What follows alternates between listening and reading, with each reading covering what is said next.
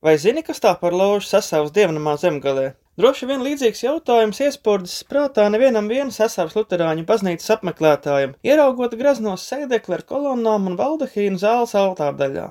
Kāds iedomāsies, ka raugās uz soli mužniekiem vai citiem svarīgiem ļaudīm, kāds cits prātos, kaut kas līdzīgs bikts solam, kāds redzams Romas katoļu dievnamos, bet ne jau pie protestantiem. Bet, ja to būs dzirdējis kāds, kurš pabijis vecajās kurzemes hercogistas baznīcās, viņš piebildīs, ka var gan būt protestantiskā dievnamā bikts krēsls, bet tas jau parasti redzams pie kanceles uzējas.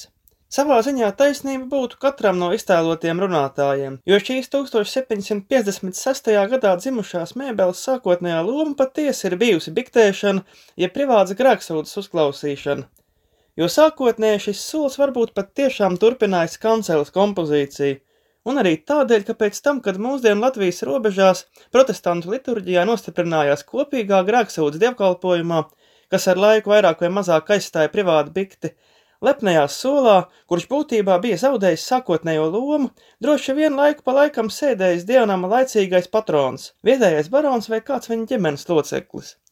Zimtkunga nereti vēlējās pasvītrot savu īpašo statusu dzimtļaužu acīs, Sasavā un arī citviet redzamais parāda sēdekļa novietojums pie altāra daļas dienvidu sienas, taisni iepratim kancelē, ļāva kungam redzēt vienīgi mācītāju un nevis tā sacīt prastos ļaudis vienkāršajos solos, tomēr tā, lai zemnieki baroni liels kungu redzētu jo labi, tā neļaujot aizmirst, kurš te ir galvenais.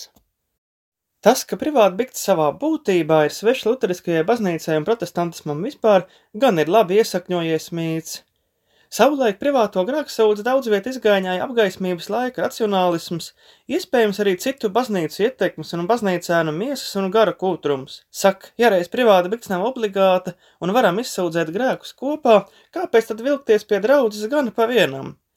Ne šajā raidījumā mums tirzāt, kuram uzskatam pievienoties, ko atzīt vai nosodīt, bet saistoši tas viss, protams, ir – Kaut vai tam dēļ vien, ka šī šķietamā luterisma un privāta bikts nesadarība noteikti mazliet samulsinās daudzus veco biktsolu uzlūkotājs veselā kaudzē dievnamu, ne jau sasavā vien, jo kancele altāra un ērģeles jādomā atpazīs katrs, kurš skolā gājis, bet šādi dīvaini soli vai kabīnes, ja pie rokas nav zinīgi pavadoņa, spēj sajaukt domas. Kārtīgi iekodēs arī aizspriedums, ka lūk luterāņu baznīcās valda askētisms – Jā, protestantiskos dievnamus patiesi raksturo lielāks iekārtas racionālisms, reformētajā teoloģijā sakņota skaidrība un atteikšanās no zināma liturģisko un ikonogrāfisko priekšmetu raibuma. Un tomēr, vai tad neesam redzējuši kaut vai tik greznās baroka dievnam iekārtas tepat kurzemē un zemgalē?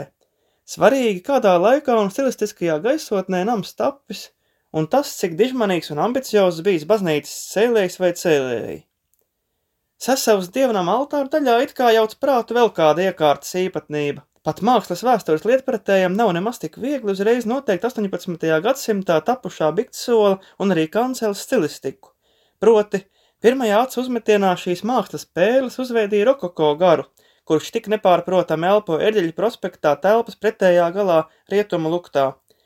Taču biktsoli un arī kanceli vērīgāk apskatot, skatam atklājas vēlais baroks – pārlieku daudz simetrijas redzam ornamenta formās, pārāk kārtīgi vīs akanta lapas, ar kurām sadzīvo vēlējam barokam raksturīgais lentes rotājums, volūtas gliemežnīcas un spārnotas eņģeļu galviņas.